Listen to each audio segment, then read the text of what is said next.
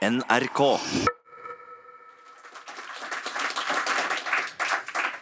Ja, takk for det, og velkommen til KK. Og denne samtalen så skal da dreie seg om eh, den såkalte transhumanismen. Eh, hvis noen av dere sitter og lurer litt på hva det er, så er dere i, sannsynligvis i veldig godt selskap.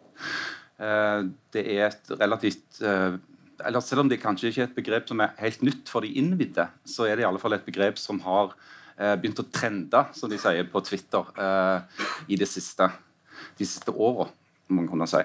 Eh, og med oss til å prøve å snakke litt om og rundt transhumanismen og hva den kan ha å bety, eh, så har vi jo da dette strålende panelet.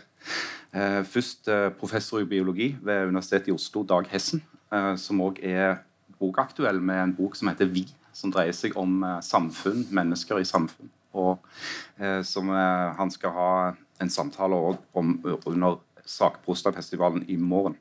Så har vi da eh, Ture Erik Lund, som er forfatter og essayist, og som som forfatter har eh, befatta seg bl.a. med hvordan språket blir påvirka av teknologien. Eh, Solveig Aarskjold, som også er forfatter og essayist, har òg eh, ganske nylig skrevet en kronikk i Klassekampen som handler om, eh, om den såkalte transhumanismen og hva konsekvenser den kan få. Og sist, men ikke minst, eh, Morten Goodwin, som er førsteamanuensis ved Senter for kunstig intelligens ved Universitetet i Agder.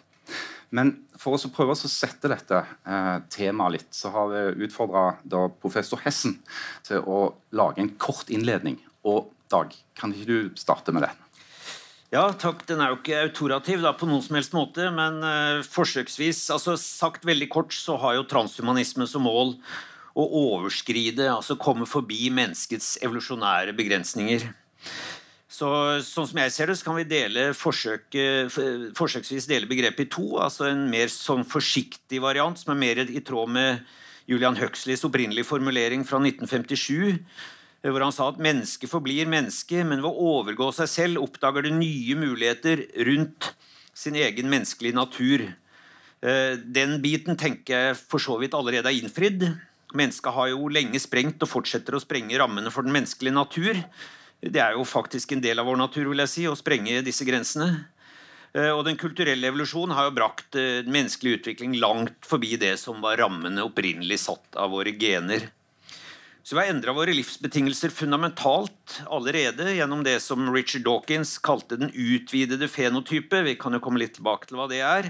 Men altså mens fenotypen biologisk representerer genenes produkt, eh, både kroppslig og mentalt, så kan vi den utvidede fenotypen da sies å omfatte alle ytre modifikasjoner av våre livsbetingelser, fra infrastruktur til moderne medisin. Og dette har jo allerede da i løpet av to-tre generasjoner totalt endret premissene for, for menneskelig eksistens. Uh, og På toppen av dette så har vi også kulturelle normer, rettsregler og memer, som noen kaller det, som også har endret de sosiale aspektene ved menneskelivet. Og så kommer jo nå de digitale nettverkene og en digital transformasjon av samfunnet, som danner grunnlag for en informasjonsflyt uh, og en gruppeintelligens som akselererer samfunnet enda mer. Så kan vi også si at En annen variant av denne milde transhumanismen som vi allerede etter mitt skjønn er inni, eh, der finner vi også varianter av medikamentering som øker yteevnen. Sånne preparater fins jo allerede på, på, mange områder. Eller som potensielt kan gjøre oss lykkeligere, altså lykkepiller av ymse art. Eller kanskje bedre altså ved å bruke hormoner som vasopressin, oksytocin eller dopamin. Men som en konsekvens av disse radikalt økende mulighetene på teknologien, medisinens og ikke minst bioteknologiens område, så har vi da også fått en ny og ganske annerledes radikal forståelse av transhumanisme. Eh, og med mulighetene her så jo, dukker selvfølgelig ønsket opp om å realisere dette. Selv om drømmen om eh, usårlighet og trolig også udødelighet er like gammel som den menneskelige selvbevissthet. Så den radikale transhumanismen, som kanskje er den vi er mest opptatt av i dag, og skal snakke mest om, den springer ut av et vesentlig mer progressivt syn, eh, der mandatet er å akselerere og eh, utvide det intelligente liv langt utenfor eh, de menneskelige livsformer. Og ved bruk av teknologi i alle muligheter og alle fasonger. Man tar i bruk alle de muligheter som fins der. Som robotisering og ikke minst genteknologisk finsløyd ved f.eks. den nye CRISPR-teknologien, som ikke bare har som ambisjon å eh, reparere skader, men rett og slett å forbedre mennesket. Eh, jeg, tror personlig at det er en essensiell del av mennesket, det å ville videre. Um, og dette kan jo være en slik vei å gå. Og Det er også en slags sånn ekstrem utilitarisme, altså at mennesket bør søke mest mulig lykke. Og Da kan vi også kanskje si at transhumanismen gir en sånn form for mening eller lykke i en, en gudløs verden. Eh, hele veien her så har jo veien fra science fiction til science krympet. Og det siste ultimate målet her det er å avskaffe selveste døden. Eh, så spørsmålet er etter mitt skjønn om vi står her overfor utviklingen av mennesket eller avviklingen av mennesket. Takk skal du ha. Og Morten Grudvin, som forsker på feltet kunstig intelligens eh, jeg registrerte med en viss forvirring at uh, en robot fikk statsborgerlige rettigheter i Saudi-Arabia forleden. Og, og, tenkte at ok, det er jo mulig at den roboten, som en kvinnelig robot, har faktisk har flere da, borgerlige rettigheter enn en jevne kvinne, altså ekte kvinne i det landet. Men vi står nå i en situasjon hvor, hvor dette da skjer. mulig at det var en form for gimmick. men, men altså, er er den kunstige intelligensen kommet nå på et nivå hvor det, hvor det gir en slags mening om å snakke om identiteter eller personer? Eh, så nei, Den kunstige intelligensen er nok ikke kommet så langt. Og jeg er i hvert fall enig i at Sofia, som denne roboten het, eh, fikk statsborgerskap. Det er nok mest en gimmick for å få det til. Men kunstig intelligens er kommet veldig langt, og den kan gjøre veldig mye som vi trodde var forbeholdt hos mennesker. Men slik som å f.eks. ha bevissthet, som vi er liksom forbeholdt mennesker og kanskje noen dyr, det er kunstig intelligensen absolutt ikke kommet til. Så jeg tror det å gi Sofia statsborgerskap og, si, og snakke de menneskelige termene, det er nok et feilspor, syns jeg. For det, kanskje en gang kommer kunstig intelligensen der om noen år. Men det å begynne å si at det er det samme nå, da selger vi det litt eh, billig, syns jeg. Det å mm. være menneske og det å bevissthet og alt dette her. Mm. Mange såkalt ledende, eller i det minste kjente forskere eh, har jo gått ut og advart. altså Elon Musk eh, har bl.a. sagt at eh, han bekymrer seg over potensialet som ligger i, i, kunstig intelligens, og at det kan utvikles til å bli farlig. Altså At du kan få sånne scenarioer du kjenner fra, fra science fiction-filmer som Terminator eller lignende. Eh, og Hessen avslutter jo sin innledning med å peke på eller sette opp et eh, motsetningsforhold. Snakker vi om en utvikling eller en avvikling? av mennesket som art. Eh, I, i hvor stor grad du som kjenner forskningsmiljøene, eh, altså, i hvilken retning ønsker de å ta dette? Så Elon Musk og de andre som er på lag med han, har en tendens til å overdrive litt, tror jeg, og kanskje opp for å skape litt debatt. Og jeg tror jo ikke, eller jeg tror i hvert fall det er veldig lenge til kunstig intelligens avvikler mennesket på en eller annen måte. Og sannsynligheten for at det skjer, er ganske lav. Men når eh, muligheten er totalt utryddelse av mennesker. Og selv om sannsynligheten er lav, så kan det være lurt å se litt nøyere etter. da. Men at kunstig intelligens blir en sånn science fiction Terminator-robotkamp, det har jeg ikke tro på. Jeg har mer tro på at vi utvikler oss sammen med kunstig intelligensen og teknologien videre. På samme måte som vi er avhengig av smarttelefoner og kalkulator og teknologi og mye annen teknologi i dag, tror jeg vi kommer til å være avhengig av kunstig intelligens enda mer med tiden og utvikle oss sammen. Ikke det at det blir en slåsskamp med Terminator og Arnold Schwarzenegger om ti år. Det er jo både betryggende og kanskje litt skuffende på samme tid. Eh, Solveig Aarskjold, du skrev nylig en eh, kronikk i, i Klassekampen at eh, transhumanismen kan være verre eh, eller en verre fare for sivilisasjon og demokrati enn noe vi har vært ute for før. Eh, betyr det at du er i utgangspunktet avvisende, eller var det mer et, som del av et lengre resonnement? Det var min måte å tolke den homodeus av Noah Harari. Mm som mener dette. Uh, men jeg, jeg, jeg, ble veldig glad for nå å høre Morten på en måte avblåste denne faren som Harari har etablert og skremt oss litt opp med. Men selvsagt så kan han jo ikke garantere at det ikke kan skje, og det kan ikke jeg heller. Men jeg tror nok at jeg deler Morten sin tvil på at uh, det virkelig kan bli en type skaper konkurranse til mennesker. At robotene kan rive seg løs ikke sant? Og, og, bli konkurrenter. Og så har de ikke sykdommer, og så er de mye flinkere enn oss til alt. Og så gjør de oss til slaver. For det Harari skriver om. Det, da blir det ille. Virkelig, liksom. Da skal dere se hvor fælt det kan bli. Så har skikkelig sånn eh, dystopi, skremselsscenario. Og uh, en vet jo aldri. Når noen etablerer sånn framtidsutsikter, så greier jo å resonnere veldig godt og vet mange ting jeg ikke vet, osv. Og, så videre, og så tenker jeg ja, ja, det jo høres farlig ut, dette her. Og Samtidig så kan jeg på en måte ikke greie å se for meg hvordan skøyten skal bli hvis en, en lager en maskin som har menneskelige egenskaper, som har bevissthet, som øh, går forbi det å være en maskin til å bli biologi. Jeg tror at det ligger en overvurdering i intelligens i dette. En Overvurdering av hjernen. Ture Erik Lund, eh, litteraturkritikeren Tom Egil Verven skrev for så lenge siden som i 2002 at eh, du diskuterer hva som skjer med mennesket som natur og språket som kultur i et samfunn som er gjennomsyra av teknologi. Og Du har selv snakka om et språklig paradigmeskifte mm. pga. den enorme teknologiske utviklinga. Hva mener du med det? Uh, jo, enkelt og greit er jo at uh, teknologien på en måte har lært oss å tenke på en helt ny måte. Så jeg har jo, jeg har jo nærmest sett dette gjennom mitt eget skriftarbeid, en skriving. Og jeg, jeg trodde når jeg begynte å skrive, så trodde jeg at det var jeg som skrev. Egentlig. Jeg trodde at det var jeg som skrev. Men så opplever jeg da gjennom skrivningen at det, det fordamper vekk. At det, det, er en ekstrem interaksjon mellom meg, datamaskinen og mine gener og hele systemet som faktisk skriver. Og det skriver ikke bare ut i virkeligheten, men det skriver også inn i meg. Og det som utgangspunkt så uh, har jeg da liksom mer eller mindre utvikla en slags litterær uh, filosofi, kan man kanskje si. Uh, hvor man da ser at Oi, verden nå må ses på en helt ny måte. Og, og, og for å se verden på en ny måte, så må du òg utvikle et nytt språk.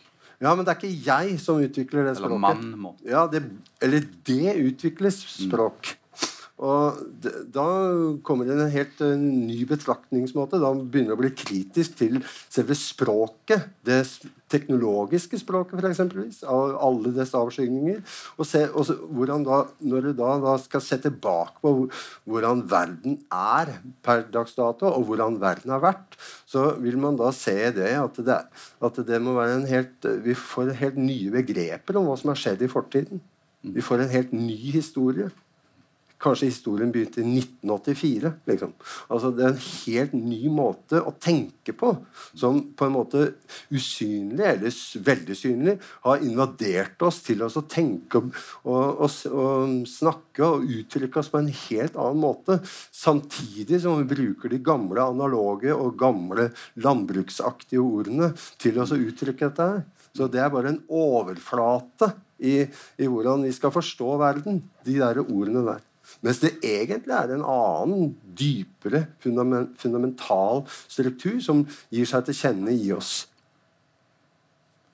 Hessen, eh, altså Biologisk sett eh, altså Et barn som var født for 100 000 år siden, er ikke vesensforskjellig for et barn som er født i dag. Eh, så Biologisk sett så, så henger vi jo igjen i disse Vi er veldig gamle som art, og så kommer alt dette nye. Eh, denne forvirringen eh, som, eh, Lund beskriver her, eh, har den noe for seg òg for en biolog?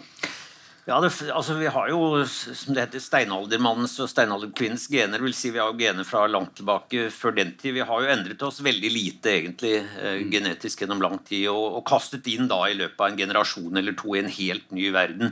Så det som er fascinerende, er jo hvordan vi faktisk klarer å holde tritt. altså Hvor umåtelig fleksibelt mennesket er. Jeg kjenner igjen litt av det, det, det, som beskrives her fra sånn som vi gjør i forskningen. altså Før så hadde du et forskningsproblem, så fikk du konstruert en maskin som kunne hjelpe deg med å løse det problemet. Nå er det litt motsatt.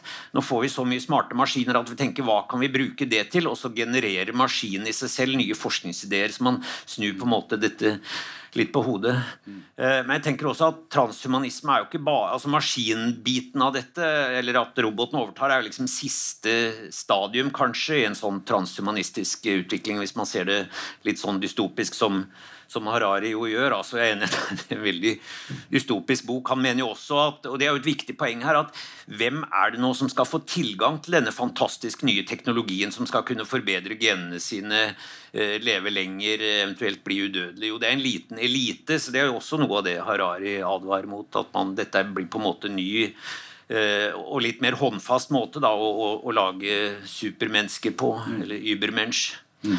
Ja, jeg, jeg, noterte meg nylig også med stor interesse at uh, en ganske stor andel av verdens aller rikeste mennesker har begynt å kjøpe eiendommer på New Zealand.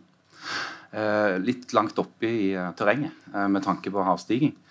Og, og, bygge sånne bunkerslignende hjem der for å kunne trekke seg tilbake i tilfelle en global katastrofe. Um, jeg vet ikke hva slags lærdom en skal trekke av dette, men, men, jeg bare registrerte det som et fenomen. Sånn har vel de rike alltid gjort det, tenker jeg. Så, men det, det, aktualiseres jo nå. Men, men, det er klart, hvis, hvis, vi nå Hittil er vi jo på en måte født like, da, i prinsippet. Vi er, vi er født med den genetiske bagasjen vi har, og selvfølgelig med de sosiale forutsetningene vi får gjennom familien. men men det som er med den radikale transhumanismen, det er jo at den gir på en måte en, en fundamentalt ny omdreining da, på den ulikheten. Hvis vi nå tenker oss, hvilket jeg er skeptisk til, eh, at man kan gå inn og redigere genene, så, eh, så skaper jo det en, en helt ny biologisk forskjell også mellom mennesker. Mm. Så, men altså, jeg er veldig for den biten av det som, er, eh, som, dreier seg om å ta moderne genteknologi i bruk til å reparere spesifikke arvelige sykdommer, som er fullt mulig og, og, selvfølgelig noe vi bør tilstrebe. Men den andre siden av dette forbedringspotensialet opplever jeg for det første som naivt, da, men også skummelt. Mm. Men uh, Gudvin, uh, på dette forskningsfeltet kunstig intelligens, hva slags problemer eller hva slags utfordringer er det kunstig intelligens kan løse for oss i dag? Og hva er det som ligger inni i den umiddelbare framtiden? Så Det viser seg at eh, kunstig intelligens kan løse veldig mye. Som eh, f.eks. gjøre medisinske diagnoser, som er veldig sånn menneskelige ting å gjøre. Og løse veldig mye sånne problemer der hvor man har tilgang til data. Sånn som Google og Facebook, sånn som har tilgang til masse masse data, får til veldig veldig god kunstig intelligens. Men denne kunstig intelligensen det er jo noe annet enn den bevisstheten som snakkes om her. da.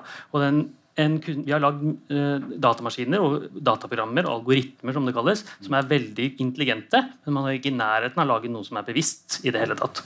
Så det er jo noe helt annet enn intelligens. da.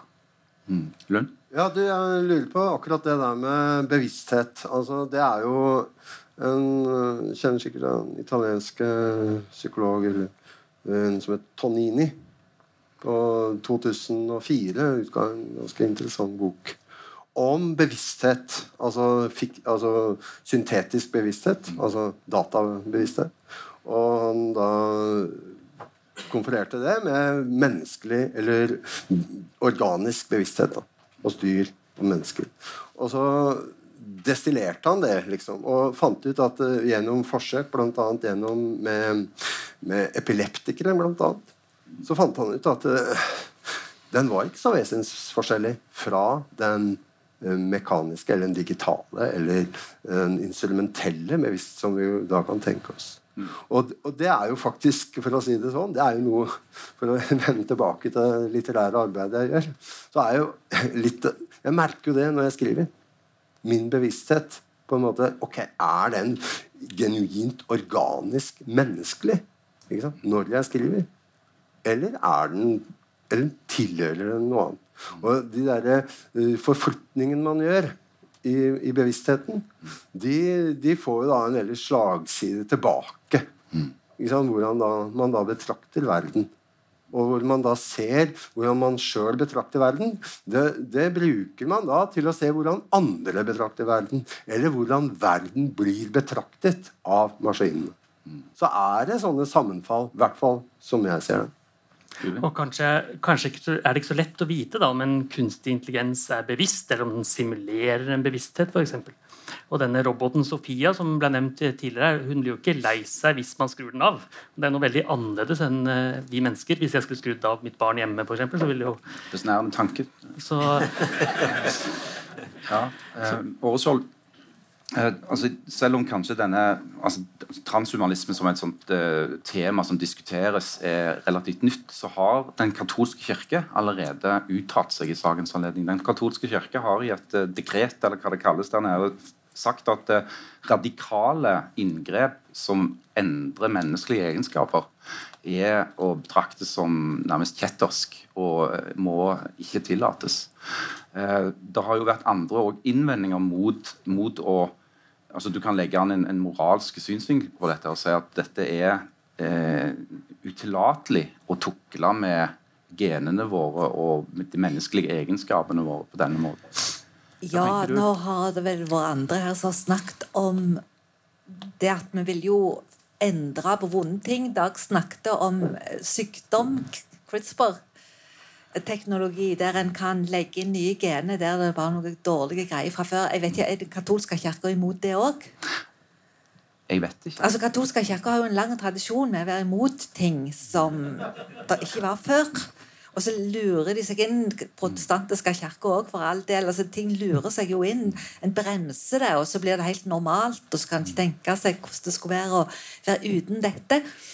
Så jeg tror nok at det, hvis noe hvis en mister en arm, f.eks. i bilulykke og blir lam, vi vil jo være så takknemlige, de fleste av oss, for å få sette inn noen elektroder og greier som kan få oss til å bevege oss igjen. Det er helt fantastisk når vi ser at folk kan få, kan få ei hånd til å bevege seg. Jeg vet ikke helt hvordan den katolske kirka stiller seg til det, men har jo iallfall akseptert uh, veldig mye når det gjelder sånn fødsel, graviditets, kunstige inngrep for få, at folk skal kunne få barn. Det, det er jo lov nå. Mm.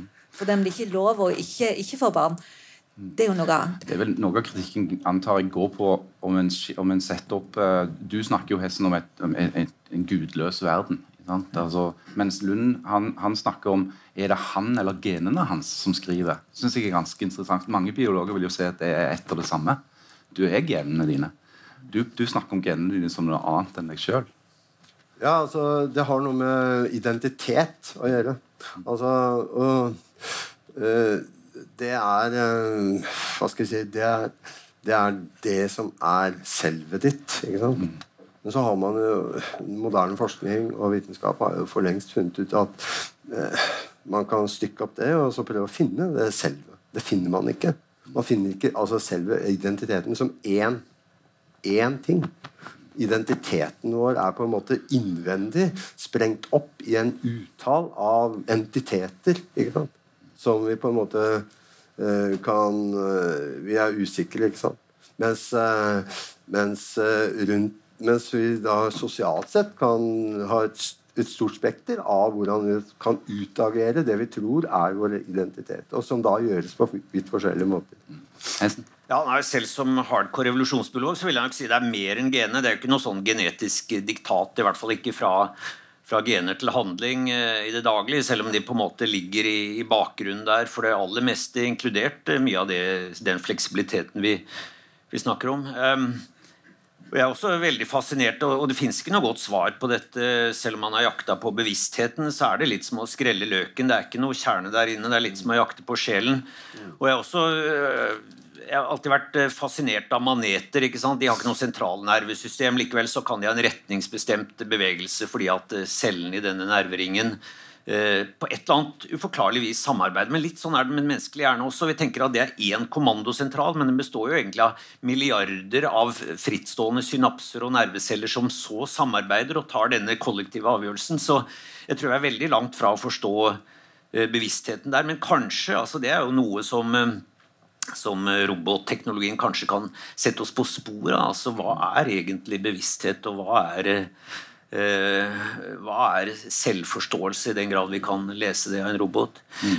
Uh, og jeg, jeg, er heller ikke noe engstelig for altså, dette med å tukle med skaperverk osv. Det har vi jo gjort siden, uh, siden mennesket begynte med kultur. Det er jo hele forutsetningen for vår kultur, egentlig. Men, Eh, det avgjørende spranget tenker jeg, er eh, heller ikke å gjøre genmanipulering eller genredigering på, på, kroppslige celler, men det er å gå inn og endre på arvematerialet, sånn at dette på en måte videreføres nedover. Da har man gjort det. Det er et fundamentalt sprang. altså. Det er både teknisk og, og etisk eh, problematisk. Ja, Det er en problemstilling som jeg kunne tenke meg å altså, prøve ut på panelet. da, at det, det, det blir jo stadig oftere eh, i debatten om eh, menneskets påvirkning på jorda.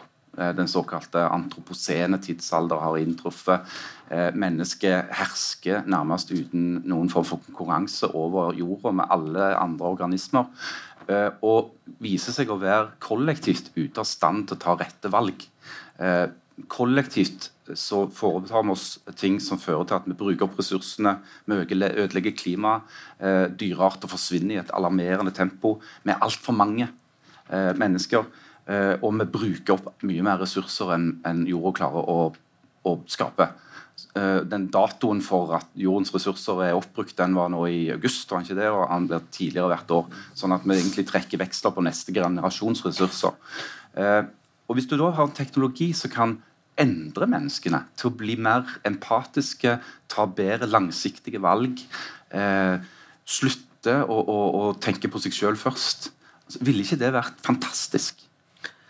Jo, et stykke på, altså Jeg ville vært veldig for å gi oksytocin og dopamin og altså vasopressin til verdens eh, diktatorer, i hvert fall, og en del andre ledere også. Det tror jeg faktisk hadde vært en, en vei å gå. Å sette befolkningen kollektivt på det er jeg mer tvilende til om det vil virke. fordi eh, det vil være som å gå på speed hele tida. Altså man må ha av- og på-knapper.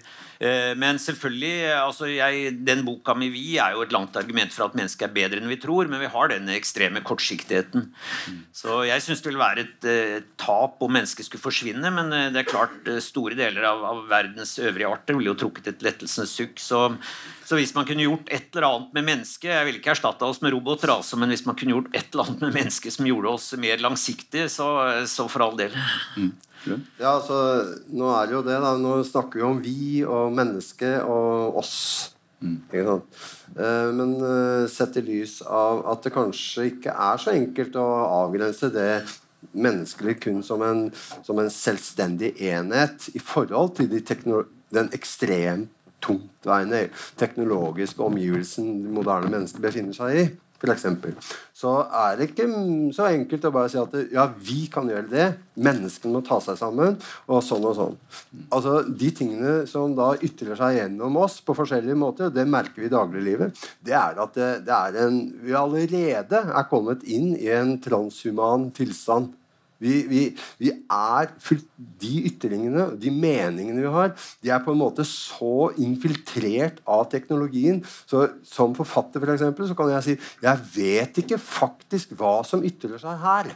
Er det, altså Vi kan si at det er menneskene, eller menneskeheten som ytrer seg. Men det er egentlig teknologien i en eller annen overskridende forstand som ytrer seg. Som, som styrer systemene. Og det, og det er klart at det, i, i, for 100 år siden så hadde, det, hadde, man ikke den type omklamrende teknologi. Det var mye lettere å, å på en måte utpensle en kollektiv, menneskelig kollektiv tilstand. I våre dager så er ikke det så liketilt. Den, den, det, det, er en mye, mye dypere eh, språklig og eh, kognitiv variant som ligger til grunn for disse ytringene som kommer til grunn. Og da kan vi til og med i det mest ekstreme eksempelet i det, selv om den er Og det er Donald Trump. Han er på en måte han, han ytrer seg som et ekstremt individ. Men dypest sett så er Donald Trump et ekstremt tydelig og godt eksempel på en, på en teknologi som har invadert mennesket fullstendig. Og, det er, og, det, da, og da kan vi da komme inn på liberalismen som idé. Liberalismen, som da, liberalismen er nettopp dønn avhengig av at det er individer, og at det er eh, egne, helt avstengte individer som har frihet til å velge hele veien. Men frihet fins ikke. Fri, fri vilje fins ikke.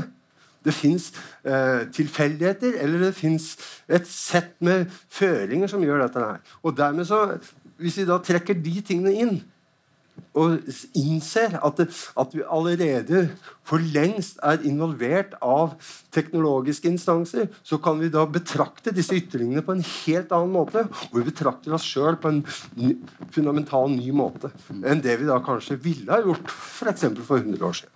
Det ville jo vært betryggende hvis Trump var en maskin, for da kunne du skrudd han av. Ja, men han, Poenget er at han er en maskin. Han, er, han ytrer seg på Twitter, f.eks. En ikke-intelligent robot? Ja, for eksempel. Eller en intelligent Jo, jeg, jeg, støtter den tanken. Det er helt klart. Det kan jo alle se. Han, han er jo har sånn fint plastikkovertrekk, ikke sant? Og så Ja. Helt nydelig. Ser akkurat ut som hud. Og, og, det tror jeg nok òg er noe av tiltrekkinga med Trump. At han er den ideelle inntil videre, iallfall den ideelle roboten. Sånn som en slags ønskeoppfyller, iallfall for noen. Han skaper en virkelighet som er såpass appellerende for såpass mange at han blir president i USA. Så det, det, var veldig opplysende for de fleste av oss, tror jeg. Den dagen han plutselig var president, Det var jo ikke mange som hadde trodd at det skulle skje. Og da visste vi noe helt annet om den verden vi lever i enn vi visste dagen før. Men det jeg ville si, det var at det å tape sjela si, det å være under påvirkning av alt mulig annet, det er en del av den menneskelige tilstanden. Så lett lenge tilbake vi vet at mennesket har tenkt, dvs. Si skrevet ned, for vi vet jo ingenting om det som ble tenkt og sagt før det ble skrevet. Men fram til da så, så risikerte alltid folk å komme under påvirkning. Mm. Eller forandringer som de absolutt ikke ville. Og Jeg er jo veldig glad i Homer, i Iliaden og Odysseen.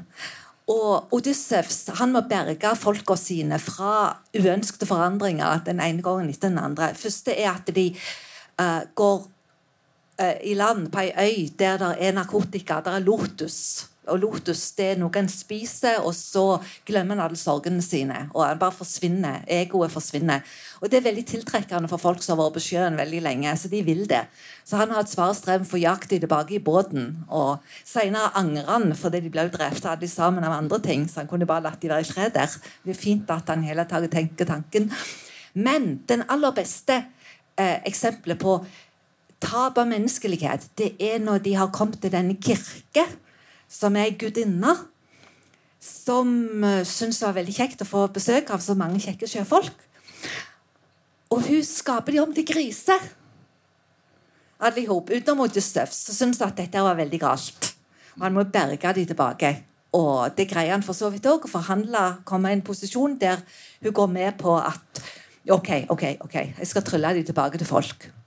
Det som er så vidunderlig i den fortellingen, som ikke er med i noen andre fortellinger, det er at når de har blitt vanlige menn igjen, så er de blitt mye vakrere og større og mer harmoniske. Sånn at den transformasjonen som opplevdes som en trussel, den har egentlig virka berikende. Kan, eh, Morten Gudvin, kan eh, kunstig intelligens hjelpe oss til å ta bedre valg? Ja, det tror jeg definitivt den kan gjøre. Så den kan jo hjelpe å skjønne mye mer rasjonelle, riktige valg. For eksempel, så, og Donald Trump som det var snakk om her, ville jo nok oppført seg veldig annerledes hvis han var en kunstig intelligens-robot. Gjort mer riktige, rasjonelle valg. Så kunst... Prøve. Å høre på Donald Trump, eller? Han, han er en test. Test på hva da, tenker du? På, på sånne robot. Det er ikke så veldig vellykka, men vi har en prototyp. Ja, en kunstig intelligensrobot er i hvert fall veldig rasjonell riktig i dag. Da. Og det er i hvert fall ikke noe man hører Don, noen beskrive Donald Trump med. Han er en sånn irrasjonell uh, type. Så, det er noe som har gått galt. Ja, det kan godt være.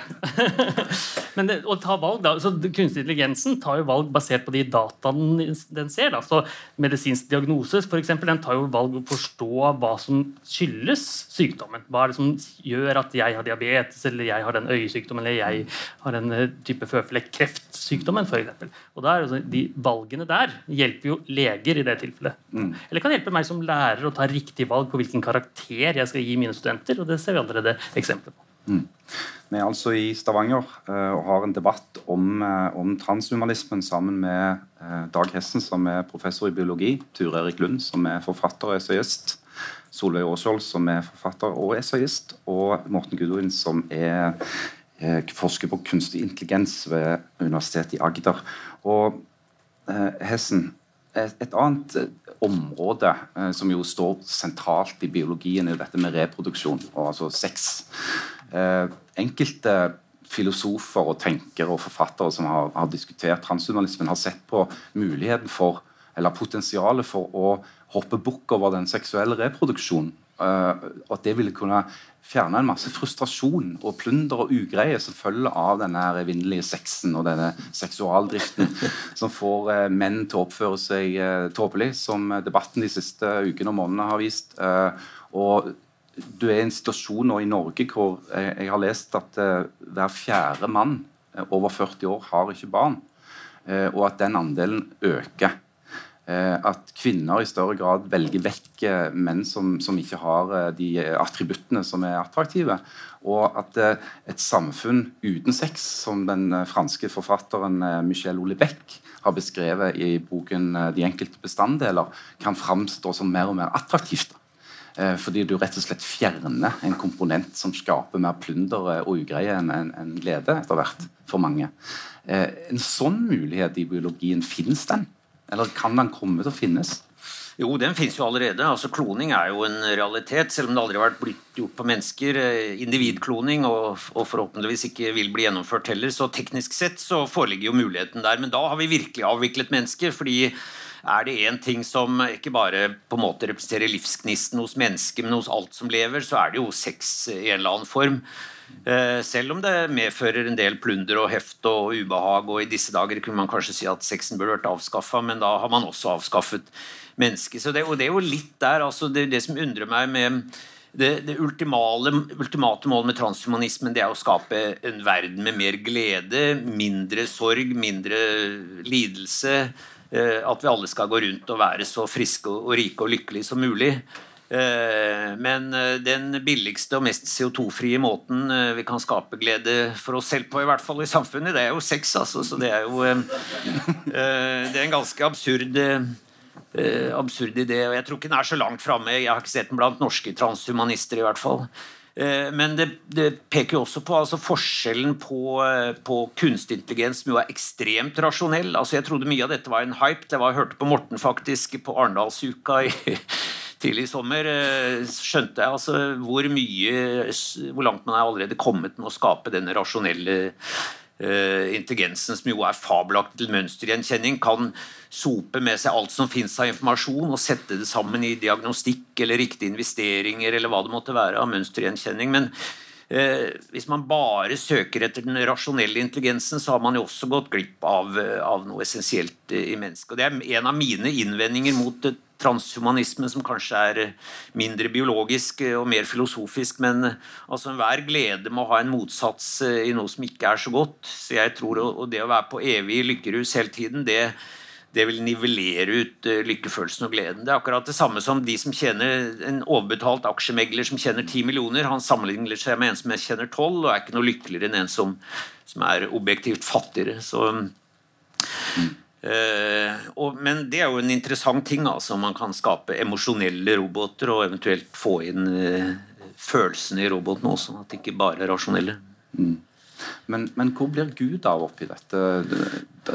er transhumanismen uh, i sin natur en, en, filosofisk retning som på en måte forutsetter at det ikke er noe utenfor oss, at det ikke finnes noe større, at den er litt reduksjonerende på den måten? Ja, det tror jeg nok, men det vil nok de fleste evolusjonsbiologer også tenke, inkludert mm. meg selv. Så det er ikke det avgjørende argumentet om det er for eller mot uh, Gud. Men noe av altså Transhumanismen er jo veldig misfornøyd med evolusjonsbiologien. Det er jo litt av hovedpoenget, at den går så sørgelig sakte og har utstyrt oss med alle disse skrøpelighetene, både fysisk og mentalt, og masse ikke bare lyster, men også laster. Uh, mens transhumanismen da kan avhjelpe alt dette og, og gjøre oss mer perfekte. Men uh, teknologisk utvikling uh, inn mot en transhuman eksistens er jo dønn avhengig av at det fins både i, for store firmaer og vitenskap og ellers at det er avhengig av uh, økonomi. At det finnes økonomi som driver dette. Og det er jo økonomien som driver disse systemene framover. Og det er lønnsomt å investere i f.eks. menneskets lystbehov. Det er ekstrem uh, profitt som er mulighet der. Og det er jo denne teknologien vi snakker om, den er jo da i, sin, i sin base så er den helt avhengig av at det fins eh, et sett med forbrukere og skattebetalere etc., etc., som kan da eh, indirekte finansiere dette. Og som da, Det er det som ligger i bånn der og kan styre, styre, utviklingen i bestemte retninger. Det er f.eks. Eh, mye mer lønnsomt å, å investere f.eks. teknologi til å forbedre la oss si, tannleger, i motsetning til arkeologer. Arkeologer er veldig dårlig, uh, dårlig betalt. Ikke sant? Det er lite penger som en arkeolog genererer til, til både til private uh, selskaper og sånn. Det er en mye mer langsiktig variant i det. Mens uh, tannlege, f.eks., eller andre mer profitable yrker der fins det da Hvis man da putter inn eh, eh, digital teknologi til å behjelpe det arbeidet, så er det en mye større gevinst i dette. her. Og det er de tingene her vi må også ta med oss når det gjelder utviklingen av av, eh, av, nettopp denne her eh, transhumane eksistensen. Sånn som nå så har jeg på følelsen at vi ser for oss en eller annen sånn transhuman eksistens liksom, der borte. Den, og Som er liksom en sånn tåkehav à la f.eks. den siste Blade Runner-filmen. Hvor alt er på en måte gjennomtransformert fullstendig. Men det er ikke slik. Liksom. Og det vil ikke være slik. Ikke det, det, er en mengde sånne soner hvor dette her kan fases inn på, og som på en måte gjør hele dette transhumane feltet utrolig mye mer differensiert enn det f.eks. de mest ihuga transhumanistene ser for seg, og de mest skeptiske anti altså antitranshumanistene også ser for seg. Det er liksom en sånn utvikling her, så vi må, vi må ta med oss hele den grunnleggende pakka for oss å liksom se, prøve å se for, for oss hvordan dette feltet her utvikler seg. Så jeg er helt enig i at det er mye økonomi i teknologi og kunstig intelligens. Og det er jo det vi ser med Google og disse store firmaene. De er jo ikke altruister, men de forsker mye på kunstig intelligens. Og det er fordi de ser en økonomisk gevinst i det. regner jeg med i hvert fall. Og det er jo og det er ikke så overraskende at det, at det ligger der, for det, de kan jo antageligvis tjene penger på det fremover. Men de er jo også flinke til å bidra i forskningen og hjelpe oss andre. Noen av de i hvert fall, kanskje ikke alle, men det er i hvert fall en god ting. tenker jeg At økonomien kan drive den teknologiske virksomheten fremover. Mm. Men det har jo vel også vært en, en hovedinnvending kanskje mot transhumanismen eh, fra noen hold, i alle fall at en betrakter det som, som på en en kulminasjon eller et slags form for endepunkt for eh, konsumentkulturen og den ekstreme individualismen som ligger i samtiden. Så noen sier at du kan Eh, du kan shoppe din egen kropp, du kan shoppe din egen syke. Du kan shoppe dine egne seksualpartnere. De kan være virtuelle. Det kan kanskje være bedre for, for alle parter involvert i noen, noen sammenhenger. Eh, altså, og, og, det er jo en, en, litt sånn uggen tanke, da. At, at du, får, eh, du, får, en mulighet til å velge eh, ikke bare liksom hva slags utdannelse du tar, eller hvem du velger å bo sammen med, men også du kan velge personlighet, nærmest. Er ikke det en, en litt uh, uggen tanke? Kanskje det. Velger vi ikke allerede litt personlighet, uh, hvordan vi har det? Og I hvert fall sånne teknologiske valg. Og så er det noen flere sånne valg man kan ta fremover, fordi teknologien blir bedre. Men jeg ser ikke den helt eh, kjempeforskjellen på sånn det er nå, og sånn du beskriver det fremover. Bare at det er noen flere valg man kan ta. Du gjør det samme, bare med litt mer uh, inngripende måte? kanskje? Ja, kanskje det. Så jeg, uh, jeg tar jo allerede valg hva slags bil jeg kjører, hvordan jeg kommer hit. Alle disse er jo valg jeg tar som har med teknologi å gjøre. Og at jeg kan velge noe mer eh, seksualpartner virtuelle fremover, f.eks. Ser ikke ut som kjempeproblematisk. Ikke si det til kona mi, men det er noe. nei, dette blir mellom oss og P2. Hessen? Ja, nei, men det er jo en forskjell på de, altså Disse valgene her er jo på en måte mer eller mindre tilgjengelige for alle, mens eh, det bringer oss jo litt tilbake til eh, Hararis dystopiske visjon i, i Homo Deus, at dette blir for eliten. For dette blir veldig kostnadskrevende. ikke sant? Du går og får sekvensert uh, genomet ditt, det kan hvem som helst gjøre i dag for noen tusenlapper, men så bruker du det da videre til å genredigere deg, eventuelt da når eh, livet begynner å nærme seg slutten, får det frosset ned. altså du tar i bruk alle disse teknologiene som vil være ekstremt kostnadskrevende, gitt at de lar seg uh, implementere, som det heter. Uh, og det blir da en veldig usosial komponent av dette. Det er klart, det vil også selvfølgelig ha et kommersielt marked. Det vil alltid være noen som er villig til å gjøre dette. Jeg er sikker på at de som har sånne nitrogentanker eller kryotanker i USA, tjener store penger på å fryse ned folk. Ehm, sånn at, eh, og det vil også de gjøre som eh, tilbyr teknologi, og særlig privatdrevet, eh, til folk som vil da genredigere seg selv eller fikse seg opp mer sånn substansielt. Mm. Men det vil være for de ytterst få, og det vil være altså, sånn sett en helt annen og usolidarisk form for valgmulighet enn, enn den vi har i dag. Mm.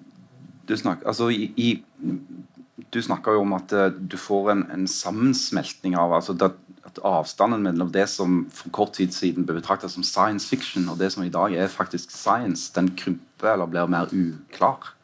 Uh, en av klassikerne i science fiction-litteraturen, den såkalte June-serien uh, til Frank Herbert, så er det et sentralt premiss, nemlig at det å lage maskiner som kopierer den menneskelige hjerne, har blitt et ultimate tabu. Det, det er forbudt og forbundet med dødsstraff. Eh, nettopp fordi at en frykta en utvikling hvor eh, menneskene ville bli satt til side av sitt eget skaperverk. Eh, Fins det en sånn diskusjon i miljøet om, om kunstig intelligens? Altså, det, det, er jo Musk og, og co. har jo vært ute og advart, men er det, er det noe forskere snakker om? Altså, er det et potensial for å skape et monster? Ja, det diskuteres litt på lunsjen, og sånt, men ikke i artiklene. Så det, Vi er jo veldig langt unna å kunne liksom laste ned hjernen, og sånt, selv om no, en del av de kunstig intelligens-dataprogrammene de ligner litt på hjernen, men det er jo veldig mye simplere i dag, rett og slett fordi ikke datakraften er der.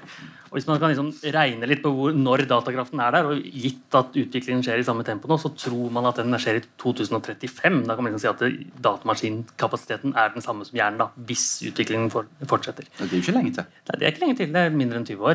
Så ja. det er eh, Men eh, det er jo fint, tenker jeg. Men det betyr jo ikke at man får en sånn eh, superintelligent datamaskin for det. For den vil kanskje ikke ha bevissthet. da kanskje vil være noe helt annet. Så bare det at man, Hvis man skulle klart å laste ned hjernen til en datamaskin, og hvis man skulle klart å gjenskape det, så er det ikke det samme som at jeg lever evig. tenker jeg. Det er i hvert fall ikke gitt at det er sånn.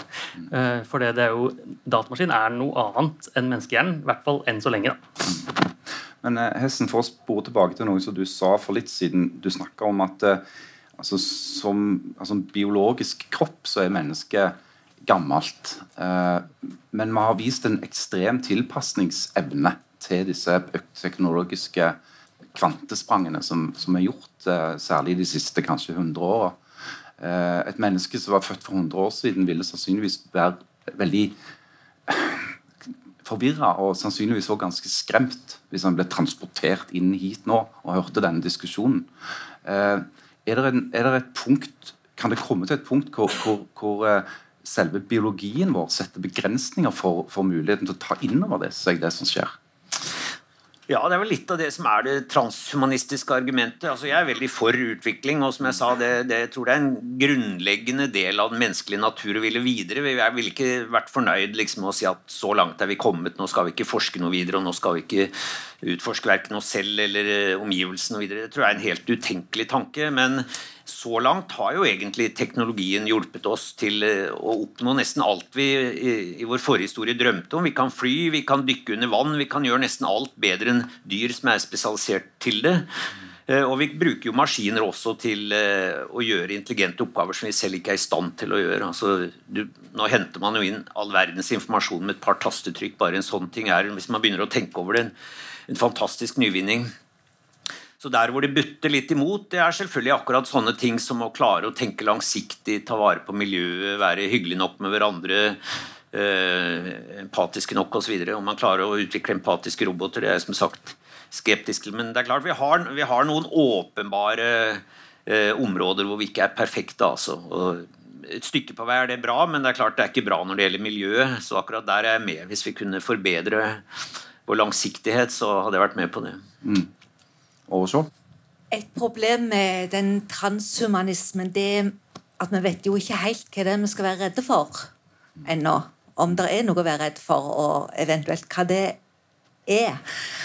Og da, Vi har jo hatt forskjellige teknologiske utviklinger i vår tid, etterkrigstid og nyere tid, som kan gi litt perspektiv.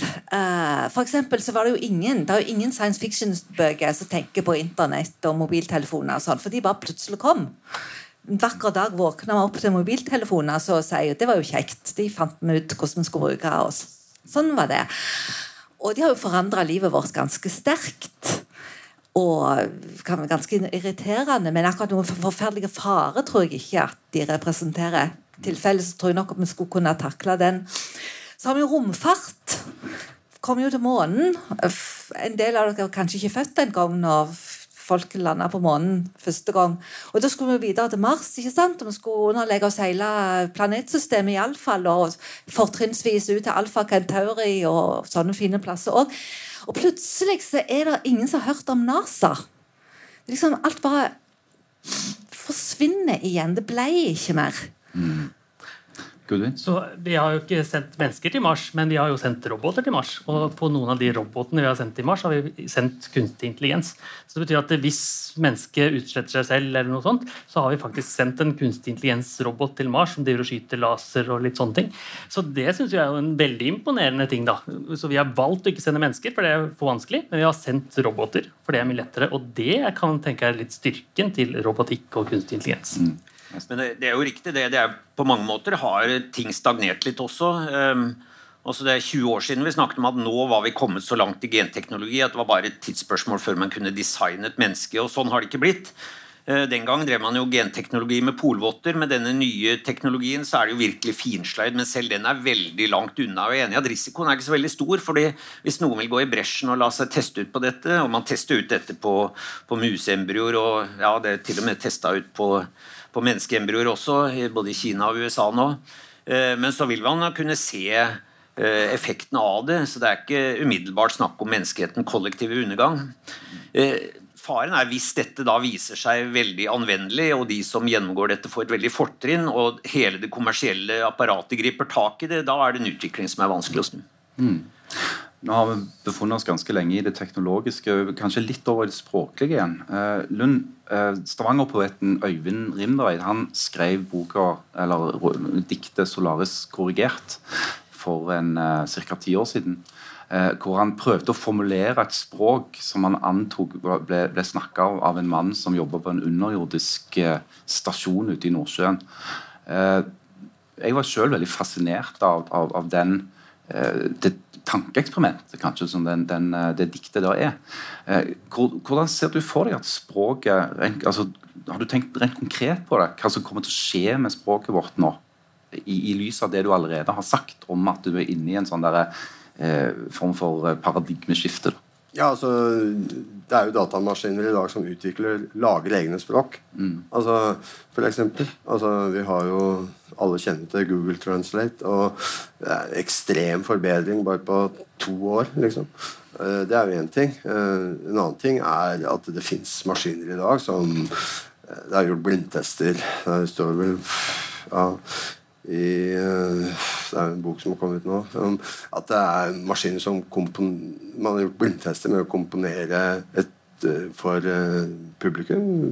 Man har komponert et Bach-aktig stykke, og så har man vist Bach. Og så er det en annen person som er nåtidens komponist. Og det var, var ikke mulig for folk å skille det. Og det forutsatte da at man ikke hadde hørt akkurat det. Så at det, det fins maskiner i dag vi har oversettelsesprogrammer. Vi har, vi har Det fins snart det vil være Det er ikke noe problem å få en Det er artikler, essays, blir skrevet av sett med algoritmer digitalt system. Mm. Og det er, ingen, det er ikke noe problem. Jan Kjærstad snakket om dette på 80-tallet, og alle bare himla med øynene liksom, om at det var en datamaskin som kunne skrive en roman. Men det er fullt mulig i dag. Altså. Det er ikke noe problem. Så, og Grunnen til at Google Translate har blitt så god de siste to årene, det er at de har gått over fra sånn gamle statistiske teknikker til kunstig intelligens. Ja. Og Det viser litt av styrken. For det, Lenge lo man av Google Translate den gjorde så mye morsomt og rart, men det er ingen som gjør det lenger. For det er kunstig intelligens som gjør det veldig veldig bra. Og det morsomme der er at den blir jo bedre jo mer man bruker den. Så jeg har, Når jeg bruker Google Translate, kan jeg si at dette var feil. Og da blir den enda bedre. Da får den ut som en belønning. den kunstig intelligensen får en belønning. og så Ja, det er jo et sånn crowdfunding-system nærmest. Det er litt sånn masse eh, eh, påvirkning på dette her. slik at det er en ekstrem interaktivitet med, med brukere og maskiner. ikke sant? Absolutt. Årså? Det kan jo òg bety at språk og essay og romaner er noe annet enn Ja, det har jeg sagt hele tiden. Det. Ja. Sånn at, men at òg de som ble skrevne for 200 år siden, kanskje ikke var det en har trodd, de, de geniale tingene det var, men det var kanskje bare et produkt av språket, produkt av måten vi er på.